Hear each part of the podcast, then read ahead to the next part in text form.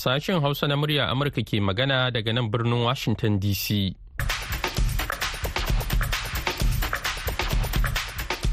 Masu sauraro barkanmu da wannan la'asariya da fatan kuna lafiya.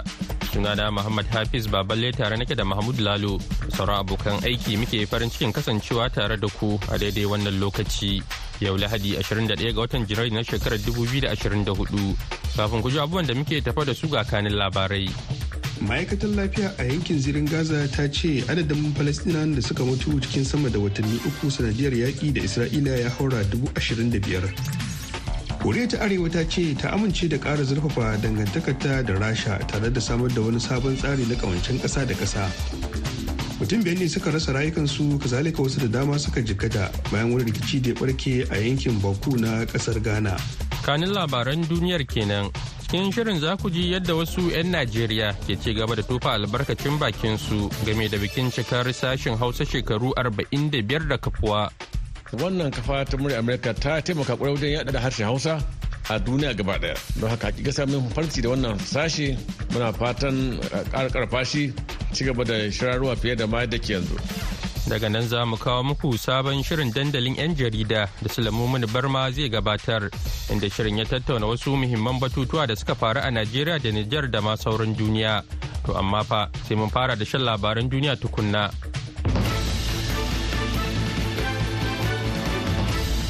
Jama'a assalamu alaikum. Mutum biyar ne suka rasa rayukansu wasu da dama suka jikkata ciki har da ɗalibai. A wani sabon rikici da ya barke a yankin bako a jihar maso gabashin ƙasar ghana. Hakan ya yi sanadin rufe makarantu tare da takaita zirga-zirgar jama'a a yankin. Masu sharhi sun buƙaci gwamnati ta ɗauki matakin gaggawa domin shawo kan wannan rikici. Gudun kada lamarin ya ta'azzara kamar yadda za ku ji a wannan rahoto da hamza adam ya aiko mana daga kumasi. Basiru Adam na ɗaya daga cikin mazauna yankin Bako da suka shafe kwanaki masu yawa ba su zuwa kasuwa domin aiwatar da harkokinsu na yau da kullum bisa fargabar yiwuwar ba za su dawo ba sakamakon musanyen harbe-harben bindigogi da ake ci gaba da yi a yankin. Duk da sojojin duka ana kashe mutane jiya da dare an kashe diyanmu sunan si Hadi. To yanzu sukurin kuma akwai fargaba. Yara suna sukuru kun ofishi papapaye papapaye ana fara buguwa. To kowa yana fama kai shi in ka bar yaro ya ce in an zo an fara bugu haka ya za ka yi. Tun biyar ne suka rasa rayukansu, da zalika wasu suka jikkata ciki ma har da ɗalibai a wani sabon rikicin da ya barke a yankin Buku a jihar maso gabashin ƙasar Ghana. Hakan ya yi sanadin rufe wasu makarantu tare da takaita zirga-zirgar jama'a a yankin. Shugaban karamar hukumar boko kana mai jan akalar tafiyar majalisar tsaro a yankin honorable hamza amadu ya mini karin haske bisa akuwan wannan al'amarin. Iya da dare ina kwance just about 200 meters away from gidana. Na fara jin karan bindigogi da ana exchange da juna a sai sojoji na exchange da one of the factions of the of the conflict ne. Da suka yi exchange da sun nan ce yara uku suka lose su they were killed by the military. Su ma sun ji sun duci AK-47 guda. She gudan su ya gudu. Masu sharhi na ganin har in gwamnati bata ɗauki matakin gaggawa ta hanyar zuba kudade tare da jibge dakarun soja a yankin ba matsalan za ta ta'azzara. Abin ya kai matuka a tashi kuma da ƙarfi domin ina ganin abin na yaɗuwa. Har a ce gwamnan da kai ina ganin ran shi ina cikin halin da bai dace ba. Bi ma'ana komai ya iya faru. Kuma tun da dai matasa sun fito suna suna harbi da soja. Abin ina tsammani ya kai a sake nazari a sake tafiya. Umar Sanda Ahmad kenan tsohon shugaba na wani sashen dakarun soja a ƙasar Ghana. Kana mai sharhi kan al'amuran tsaro. A koshin akwai wani matakin shawo kan wannan rikici na baya-bayan nan? Wannan ne tambaya da nema shugaban majalisar tsaro a yankin Honorable Hamza Amadu inda yake cewa. Amma kaga wurin yanzu haka ya yi cajin nan. Commanders duka sun yi bize suna rounds da mutane su. Ba lokaci to muna duban between gobe jibi mun samu mu zauna mu duba measures da za mu doki kuma. Rikicin kabilanci dai ba sabon abu ba ne a ƙasar Ghana musamman a yankin Boko inda ɗaruruwan mutane ke ci gaba ma da tserewa daga yankin domin neman mafaka. To sai dai yayin da nake hada wannan rahoto dakarun soja na ƙasar ghana bai ta fitar da sanarwar ɗaukan alhakin mutuwar mutane uku daga cikin biyar da suka rasa rayukansu a rikicin baya-bayan nan ba hamza adam muryar amurka daga kumasi ghana to a gaida hamza adam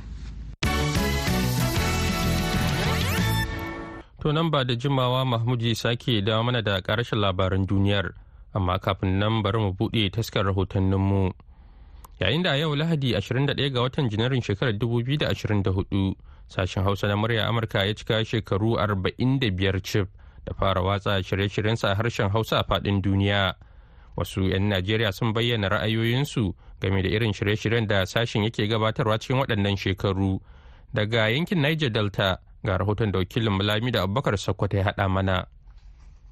Sashen Hausa na muryar Amurka ya cika shekaru 45 da watsa shirye-shiryensa a cikin harshen Hausa. Bikin dai na muryar Amurka wato BOA ya zo ne da tsokaci da dama daga jama'an Najeriya daga sassa daban-daban na ƙasar. Da farko dai ga tsohon gwamnan jihar Sokoto, Sanata Dr. Aliyu Magatakardawa Makko, Sarkin Yamman Sokoto, kuma marafan Hausa. Ya yi la'akari da kasancewar sashen Hausa da ya samu ta goma shi ya ce. To alhamdulillah Lamido a sashen na Amurka suna cikin kawai duniya wanda mutane ke dogara da shi musamman a yammacin Afirka don samun bayanai. Wannan kafa ta murya Amurka ta taimaka ƙwarai wajen yada da harshen Hausa a duniya gaba ɗaya. Don haka hakika samun farci da wannan sashe muna fatan ƙara ƙarfa shi ci gaba da shirarwa fiye da ma da ke yanzu. Shi ma tsohon gwamnan jihar Imo, Sanata Rochas Okorocha ya taya sashen Hausa na muryar Amurka murnar cika shekara 45 sannan kuma ya yi kira ga kafar ta BOA da ta fito da sashen Ibo. Voice of America an santa dama ko'ina a duniya musamman ta Hausa Service. Tun da Allah ya taimake su har kai shekara 45 tun na ce musu congratulations a ce musu abu ne mai kyau su yi da yaren igbo da kuma yaren yarbawa domin kaga yanzu hausa service ai ba jin ta imo sai ɗaya ɗaya ɗaya suke ci amma aka yi igbo service na voa kaga an kyauta Alhaji Dr. Aliyu Orojiwa Makko, shugaban ƙungiyar masu samar da gidaje ta ƙasa mai bibiyar shirin sashen Hausa na muryar Amurka a shekaru da dama, ya ce. sashen hausa na voice of america ya yi rawa a zo a gani ya yi tasiri ga fannoni daban-daban kaga kamar yanzu ciki da gaskiya ya ba mutane kwarin gwiwa na cewa suna iya samun hakkinsu irin su kasuwa a kai miki dole ya ba mutane sanin damar farashi na abubuwa da yawa saboda kan ga gaskiya ba abin da za mu ce ille muna tanya a sashen hausa na murya america murna da suka cimma wannan mizani. Ministan albarkatun ruwa na Najeriya da ke bibiyar sashen Hausa na muryar Amurka, barista Bello Muhammad Gwaranyo ya ce. Akwai buƙata a fito da wasu shirarruwa waɗanda za su ƙara bunƙasa wannan harshe namu na Hausa saboda irin yanayin da ake ciki duniya ta zama a tayan hannu to za ka tarar da mahi yawanci akwai gurɓatar ainihin harsuna don haka akwai buƙata a fito da wani shiri na musamman wanda zai kara ilmantar da mutane musamman matasa wani dan yankin niger delta musa dik saroni wiko ya ce I am Dick Sarone Wiko, an Odoni man. It is a good thing to hear that um, the, the House of Service Yana cewa ne abin farin ciki ne jin cewar sashen Hausa na muryar Amurka na bikin cika shekara 45 kuma muna kallon hakan a matsayin mutunci. Mun yi amfani da yaren Hausa na nuna ƙarfin yare, yaren kuma na daga cikin tarihi ga al'umma a ƙasashen duniya. Lamido Abubakar Sokoto, muryar Amurka daga Fatakwal, Najeriya. A gaida Lamida Abubakar Sokoto da wannan rahoton. Yanzu kuma ga Mahmud ya dawo mana da ƙarshen labaran duniyar. ma'aikatar lafiya a yankin zirin gaza ta ce adadin falastinawan da suka mutu cikin sama da watanni uku sanadiyar yaƙi da isra'ila ya haura dubu ashirin da biyar ma'aikatar ta faɗa a yau lahadi cewa mutum dubu ashirin da biyar da ɗari ɗaya da biyu aka kashe a yaƙin na isra'ila da hamas yayin da dubu sittin da biyu da ɗari shida da tamanin ɗaya suka jikkata ma'aikatar ta kara da cewa cikin sa'o'i 24 da suka wuce an kashe falastinawa 178 an kuma jikkata 293 tess ingram jami'a ce a hukumar kula da al'amuran yara ta unicef Becoming a mother should be a time of celebration. Ta ce kamata ya yi lokacin haihuwa ya zama lokaci na farin ciki, amma a Gaza idan aka haifi yaro tamkar an jefo shi cikin wani bala'i ne. Wannan fada tsakanin isra'ila da hamas ya barke ne a ranar 7 ga watan oktoban bara bayan da mayaƙan hamas suka kai hari cikin isra'ila suka halaka mutum 1,200 koriya ta arewa ta ce ta amince da ƙara zurfafa dangantakarta da rasha tare da samar da wani sabon tsari na ƙawancen ƙasa da ƙasa a wani yunkuri da ƙasashen biyu ke yi na ƙoƙarin haɗa kai duba da irin 'yan tsama da ke tsakaninsu da amurka. Ma'aikata harkokin wajen koriya ta arewa ta faɗa a yau lahadi cewa shugaban rasha vladimir putin ya ba da tabbacin zai kai ziyara pyongyang yayin wata ganawa da yi da ministan harkokin wajen koriya ta arewa a moscow a makon da ya gabata ita dai koriya ta arewa tana ƙoƙarin ƙarfafa dangantakarta da rasha yayin da shugabanta kim jong-un yake ƙoƙarin ganin ya kubce daga kangin saniyar ware da aka mayar da kasarsa a fannin diflomasiyya.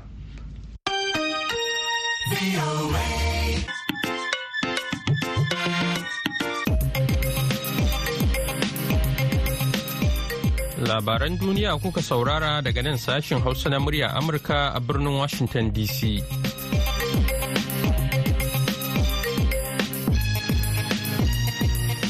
Madalla, wannan shirin na zuwa muku ne daga nan sashen Hausa na murya Amurka a birnin Washington DC akan mitoci 1625 da kuma 31. A jamhuriyar Nijar kuma za a iya samun matashar ta BOA Africa akan mita 102.5 ha kuma a yaushe ake so za a iya zuwa shafukanmu na intanet a boahausa.com ko kuma sashen hausa.com domin samun labarai da dumudumin su yanzu kuma ga shirinmu na gaba. Tsangwama sauyin ɗan jarida, ɗan ɗan jarida ba gudu da. Damina da ruwa da iska bai hannun aikin jarida. Jama'a masu sauraro barkamu da haɗuwa a shirin dandalin 'yan jarida wanda ke ɗaya daga cikin sabbin shirye-shiryen da muryar Amurka ta bullo da su da nufin baiwa 'yan jarida damar warwarewa al'ummomin ƙasashen zare da abawa na mahimman abubuwan da suka wakana a sassan duniya. Sunana Suleiman Muni Barma kuma a yau ina tare da Suleiman Umar Bura na jaridar L'Independent Police da Ibrahim Musa na La. Malamai barka ku da zuwa. Barka suleiman. To za mu fara ne da wato ziyarar da firaministan gwamnatin rikon kwarya lamin zen ya gudanar a ƙasar rasha inda suka tattauna da hukumomin ƙasar akan wasu muhimman batutuwa. Shin suleiman bari mu fara da kai me zaka ce dangane da wannan ziyara ta lamin zen? Ba wani kayan mamaki ba ne a tun da ba a yi ba.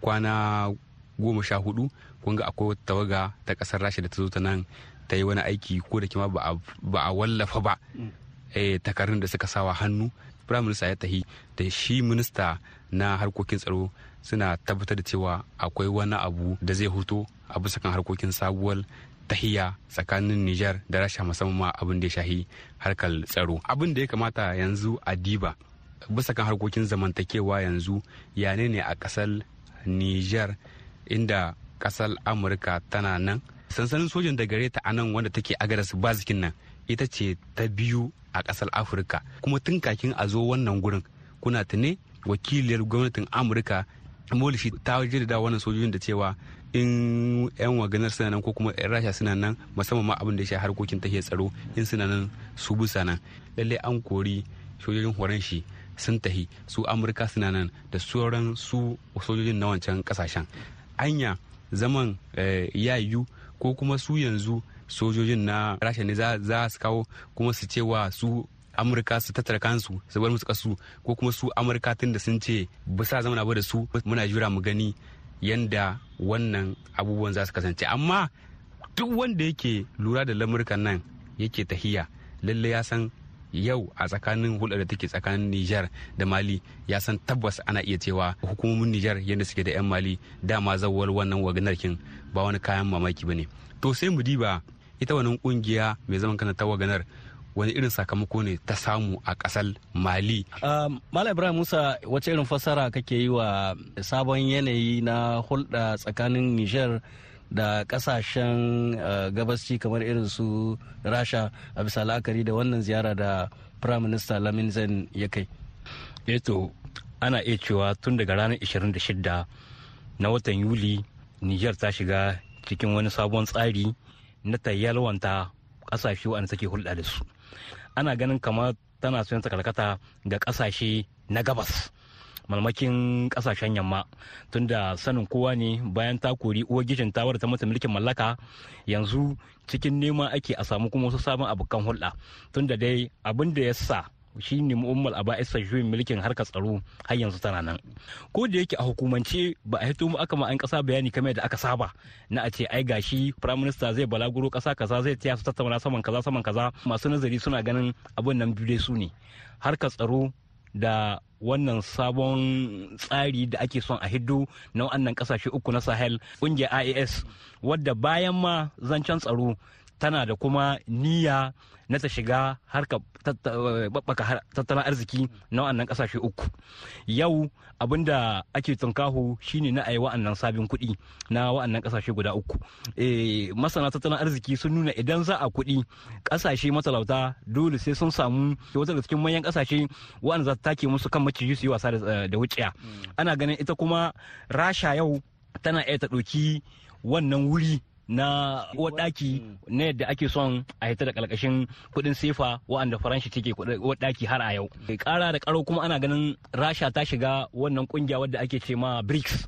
Kenan ana ganin bayan harkar tsaro harkar kuɗi ma tana iya ta shigo dangance da wannan ziyara da premier minister ali lamin zan ya kai ƙasar rasha. To amma akwai wani amfani ko kuma abubuwan da ita nijar za ta mora daga wannan hulɗa da take ƙoƙarin karfafawa da rasha da ma sauran ƙasashen nan na gabaci? To abin da suke iya ta mora idan ma ba a samu ba aka kawo wannan ƙungiya ta sojoji ta ƙasar rasha wadda ke ƙasar mali ana iya a kwato kayan yaki tunda in kan lura ita ma ƙasar ta mali bayan ma tana da rijijiniya da ita wannan ƙungiya ta wagner kuma hukumomin na rasha suna taimaka mata da kayayyaki na yaki dumumuwa sun dora yawo saman yanar gizo yan kwanukan gana baya ana cewa an tabbaka wata babban muhawara can tsakanin sojojin inda ake zancen ko a kawo ko ka a kawo wannan wagner din ga yadda wa'anda muke ganin kamar suna da sirin abubuwan da ke wakana sun yi zancen wa'anda ke cewa ka a kawo sun ɗauki rinjaye.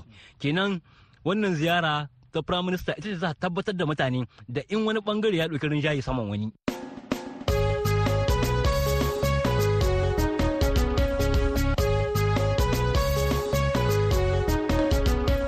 To madalla mun sake dawa a babi na biyu na wannan shiri na dandalin 'yan jarida daga nan sashen hausa na muryar Amurka.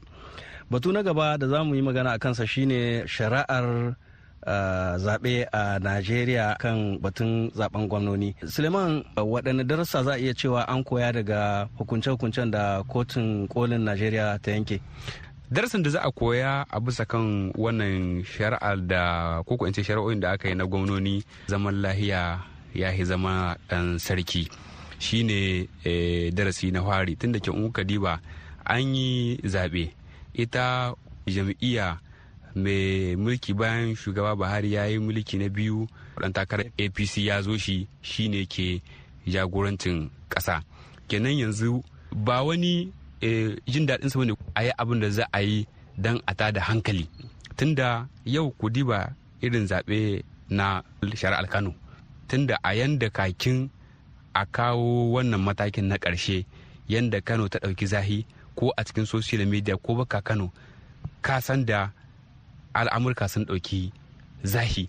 To menene amfani ga gwamnati ko kuma ga ita gidan shari'a wanda za a yi abin da za a kawo rikici banda an yi shekara da aka naɗa ko shi gwamna ko shi shugaban ƙasa da yake sama? Kuma musamman in kuka diba cikin yanayin da rikice-rikice ma na na ƙasashe da kasashenmu suke ciki. Tunda ko shi kan shi shugaban najeriya da yake yanzu presidentin ecowas matsaloli kadai na wannan ƙasashen namu sun ishe shi aiki. Barantana ko matsalar da take cikin gida ta harkokin da ya shafi harkar tsaro ne harkokin kuɗin mai ne a Najeriya yaƙi da talauci da duka abubuwa. Musamman shi wannan mulki yanzu na shugaba Tinubu ai iya da adawa mai ƙarfi.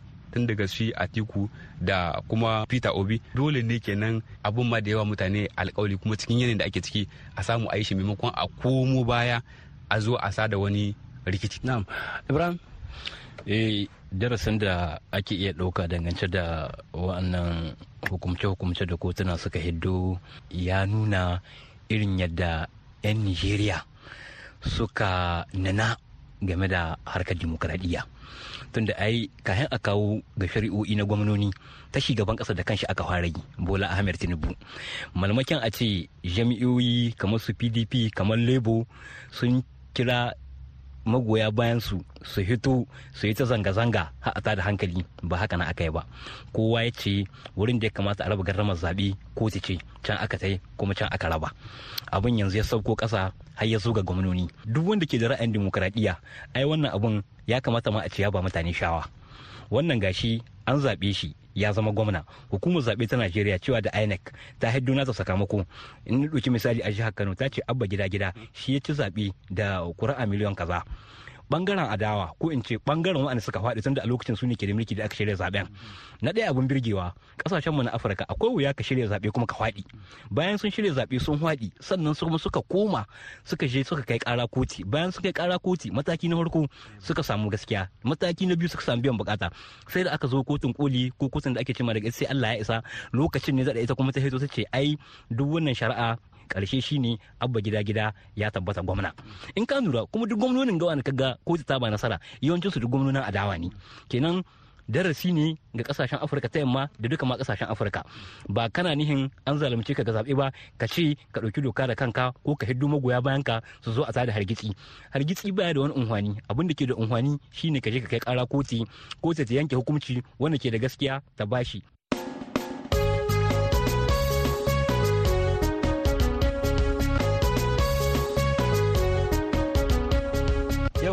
To barkamu da sake dawowa um, cikin wannan shiri wanda kuma batu na uku na ƙarshe wanda da shine za mu karkare shine dimbin uh, zinare da rahotanni ke cewa an fita da su zuwa a ƙasashen waje daga filin jirgin saman jihar hamani da ke birnin yamai ta barauniyar hanya. Kuma yadda ake kwatantawa darajar wannan zinare miliyan dubu goma sha bakwai na sefa. Shin suleiman ya kake kallon wannan lamari?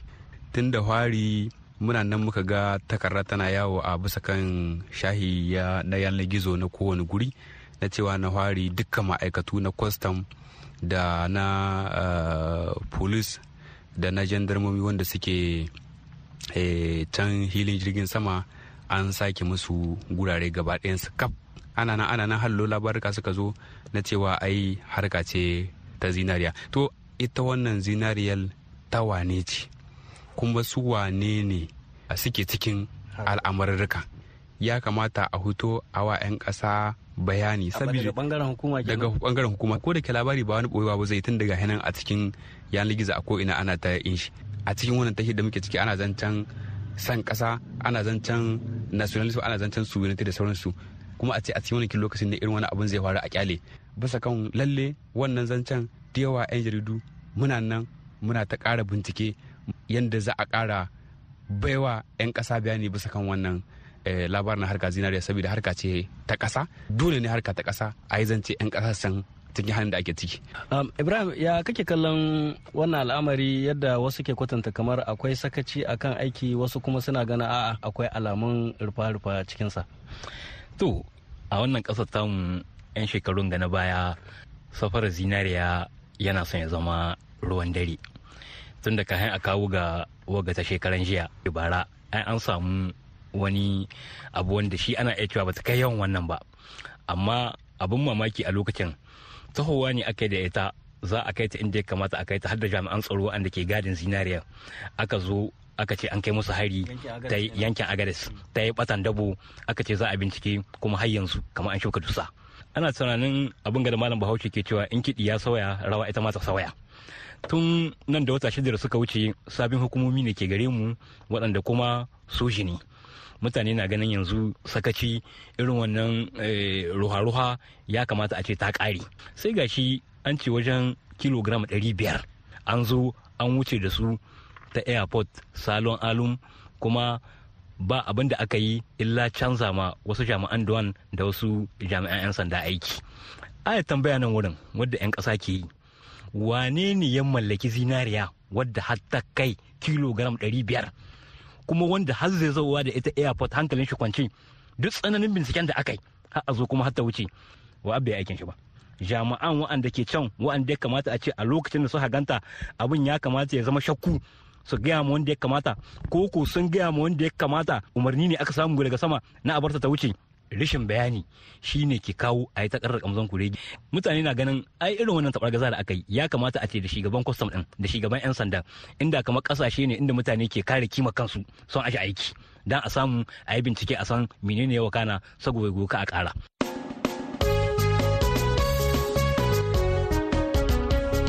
To madalla abubuwan da suka sawaka a wannan makon kenan muna godiya ga bakinmu Suleiman Umaru Bura na jaridar L'Independent Police da Ibrahim Musa na jaridar La Rue de l'Histoire. A kasance da mu a makon gobe inda wasu abokan aiki za su zo da wani sabon shirin na dandalin 'yan jarida. Kafin wannan lokaci, ni Suleiman Muni Barma da duka abokan aiki na sashen Hausa ke da ku. Ba shi sauyin ɗan jarida. Ɗan uwa na ɗan jarida ba gudu ba ja da baya. Damina da ruwa da iska bai hannun aikin jarida. Sanyi mazara da ra'aniya ba su fashin jarida. Su kuki rukuki jomurda ba su taɗe ɗan jarida. To madalla a gaida Sulamu barma tare da bakin nasa a sabon shirma na dandalin 'yan jarida. Kafin mu karkare shirin ga labaran duniya a taƙaice.